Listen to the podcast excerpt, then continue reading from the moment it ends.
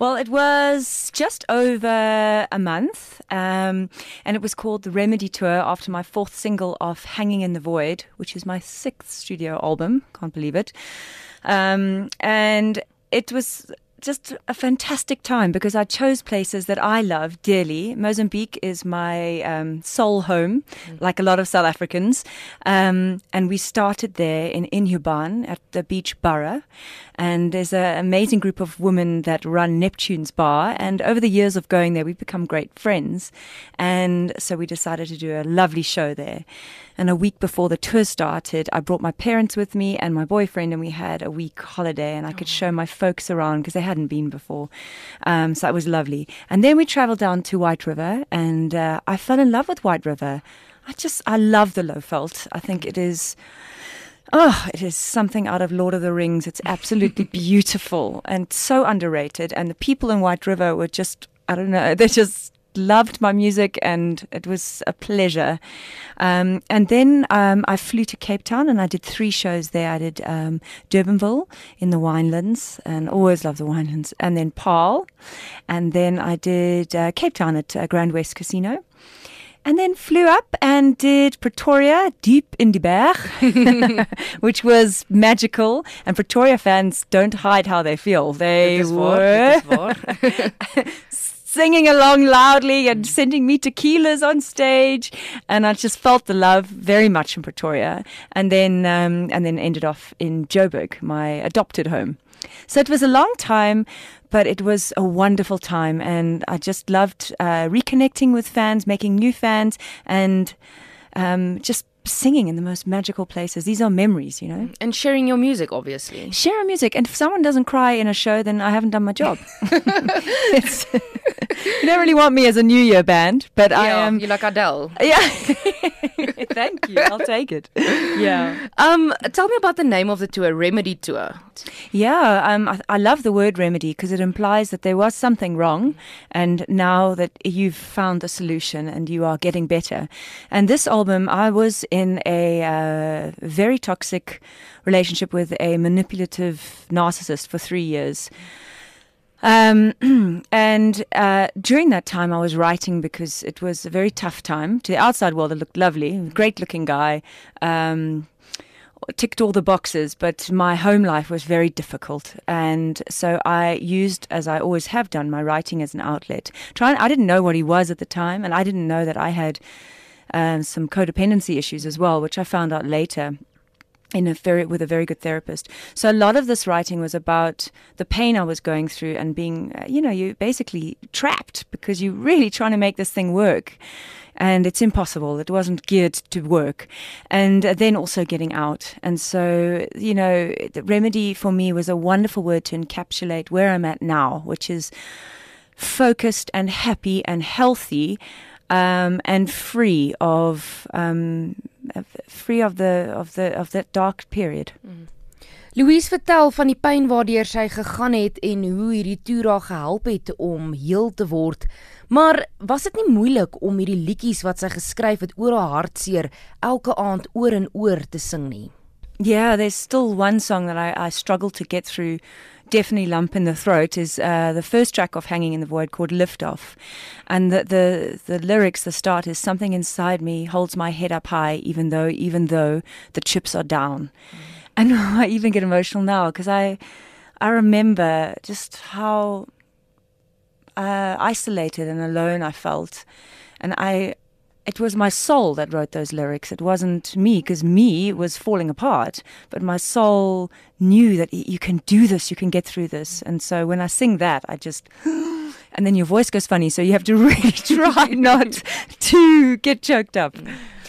Louise skryf oor haar persoonlike lewe en deel dit met haar aanhangers en ek wil baie hoor of sy enigstens kwesbaar voel en 'n bietjie bang voordat sy haar liedjies bekendstel en speel op die verhoog.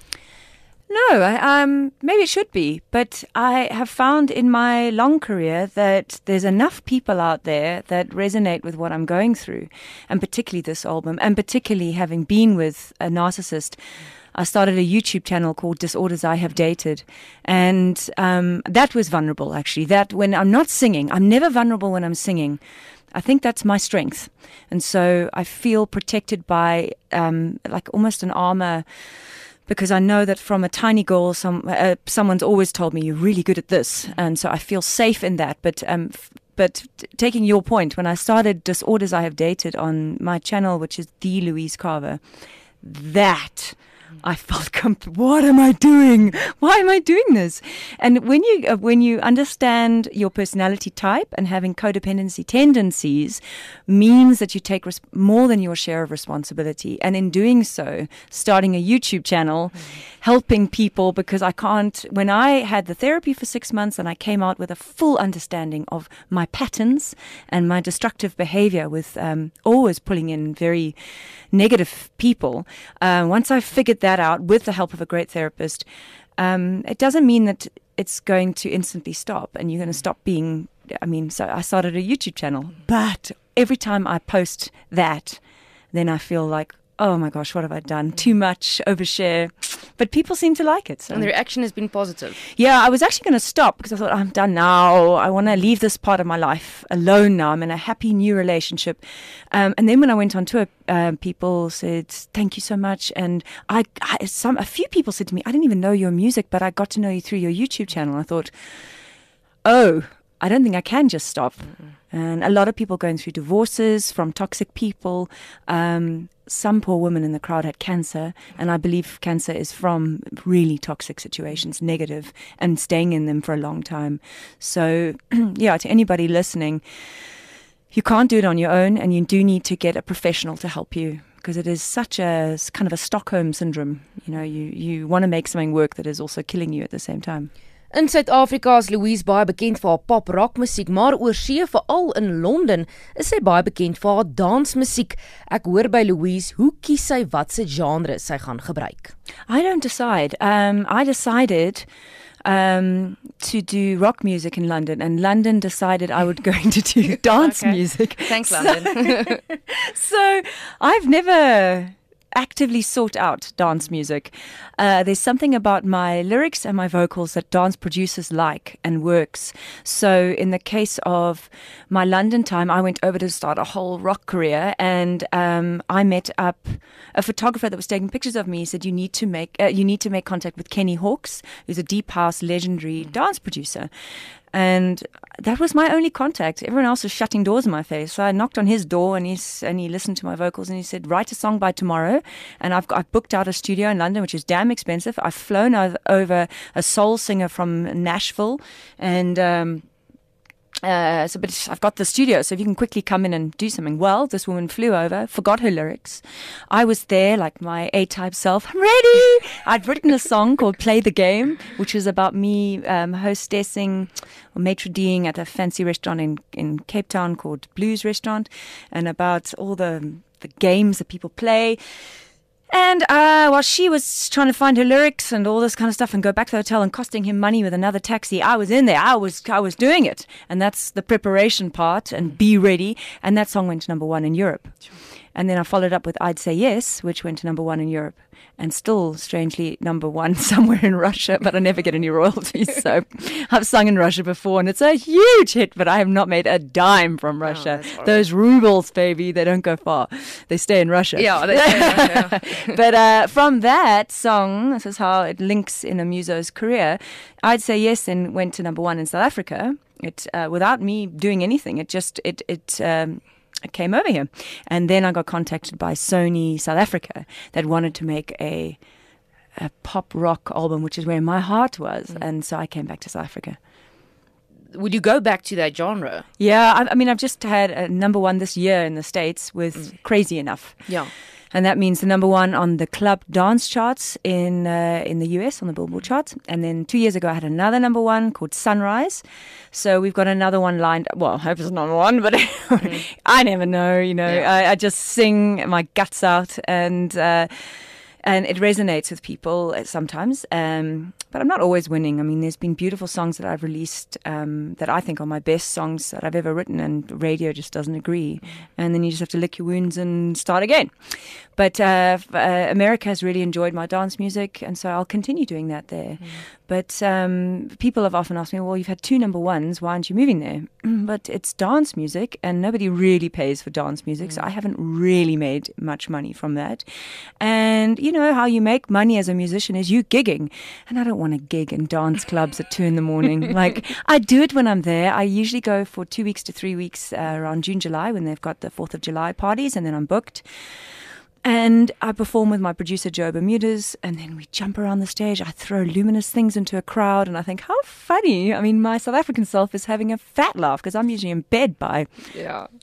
11 latest watching some discovery show or something but uh, my us self is a lot more fun and uh, and I enjoy that that that aspect but to be doing that as a career in in the states doing dance music jumping up on stages at two in the morning. No, no, thanks. No. I try and look for balance, exercise, as we were speaking earlier, um, and healthy eating and sleeping, and that's longevity. Looking after my voice. Um, and I love the dance, and I love the opportunity, and I love meeting people, and I love travel. Um, but I also love my life, and yeah. that's important to me. Uh, tell me about the work that you do with Joe, the the producer. Okay, well, he how I met him is uh, he came over here to support David Guetta, mm-hmm. and he was a support act. And then when he was driving to um, this radio park, yeah. SABC, to do an interview with a certain radio station. Um, they uh, on the way there he was listening uh, to radio and he heard days go by which i had written and worked with Pascal and Pearce as a young dance mm-hmm. duo and that went up the charts and he said i have to work with this woman and contacted my agent. And my agency said you want to go to boston and work with him? I said yeah sure. And then i went and we just he's such a wonderful humble person uh, intense but uh, i stayed with him and stayed in his apartment for two weeks. And we we uh, created Sunrise, and and so now what happens is uh, he sends me a track. I say I like it, and I can either work on it or I can't. And then we see we see how it goes. It's funny how life works, eh? How you meet people and people come across your your path just by accident. Yeah, yeah, and you and the more you look, you have to have plans, mm. but you also have to be flexible and um, be surprised by what life brings you. And I think that's the magic and why I am addicted to the music industry. We were having a chat the other day because I came back from tour like really tired. Oh, I couldn't even speak um, because it's all the time. It's demanding of you. Mm. And, um, and the places that you go, people haven't seen you before sometimes. And so you have to be your best self. It's like having a bloomin' interview every day mm. on tour. It's like um, being the Queen of England. Look good every day. I know. it's almost impossible. Yeah. And you scrape yourself together and you have to be so nice all the whole time. And I am a nice person, but sometimes you're just tired.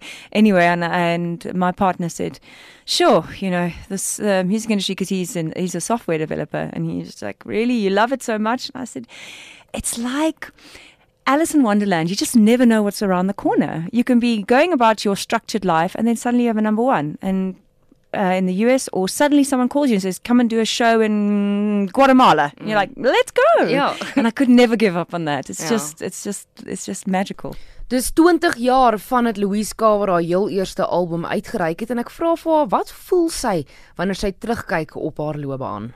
Oh, a lot. I, I feel like in some areas I really did very very well in my career.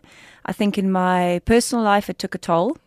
Um, I think a lot of men, particularly, were attracted to me because of my name and because they see a girl playing a piano up on stage. So I think I had it hard there, but I think it also fed into great songwriting. Um, I've had many adventures. I uh, I've learned about myself. Uh, for example, the Russian trip. No one spoke English, and I was there for a week on my own. They, they didn't want to fly an agent. They couldn't. Have, they didn't have the budget, so I spent a week in silence performing in club gigs, and I thought, girl, you're tough. I felt tough. I felt, and I sometimes not ever to be judgmental, but I look at some of my girlfriends and I think, yeah, I've, I've, I've got some really good worldly experience, um, and I wouldn't trade it for uh, absolutely for for nothing. There's been some hard times, deep insecurities and uh, um, instability. You don't get a salary. um, and you have months that are, uh, you know, you you you can have months of like, ooh, okay, mm. but um, I just uh, it's it's perfectly suited for me. Mm. My personality. Uh, you have uh, a concert on the second of Jan oh, that yeah. Art Matthews is also yeah. playing with you. You, I think the first time that you guys performed together was in 2015. Probably. Yeah, oh, good research. Um, I try. and um, so tell us about the sunset concert, and you also you guys um, or you ask people to bring blankets, and mm. that specifically. You earlier you spoke about um, your your love for animals. You have three dogs. So tell us about the concert and, and what the plan is with it. Well, every year for the na- for the last four years, um, I've put on this concert, and I choose an artist, uh, usually a male artist, because I like the contrast.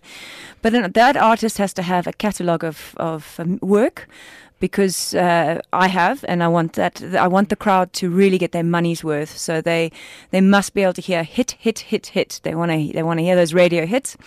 And so I've worked with Watershed before, and now this is my second time working with Art because we are completely different people. Mm. Um, I am uh, quite organized and uh, and pitch up on time, warmed up, honey and rooibos tea, and I've dotted my I's and crossed my T's. Art is this wild alley cat. I mean, Sure, he's just uh, his soul is a gypsy soul, and when we're on stage, because obviously my family, I've got family in Hermanus, uh, in Cape Town area, and uh, they come and watch every year, and they they just say this show with art is the best you've done because your energies are so different. He looks manic and crazy, but he knows exactly what he's doing, mm. and uh, we just work. It's a sexy energy on stage, so um, it's the second of Jan, 2019 new year, and it's a lovely way to come down from all the family crazy over the festive season. Uh, you can get tickets um, on louisecarver.com and um, kid friendly. And then just bring your old blankets and um, then after the show, there's a collection point for the animal welfare in a Hermanus, and they really need it. And I drop it off the next day personally, my mum's Land Rover. and it's very hard not to take them home because uh, they the blankets or the dogs. No, no, not not not secondhand blankets. No, the the lovely little doggies. And yeah, I have a gin bar there, and I have wine from the Stanford Hills. It's a beautiful wine estate, and you're right in the Hemel-en-Aarde uh, Valley, and you just feel so lucky to just to be there. Mm. It's, it's a wonderful, wonderful experience. So, yeah, I hope to see a lot of people there if they're holidaying down that side.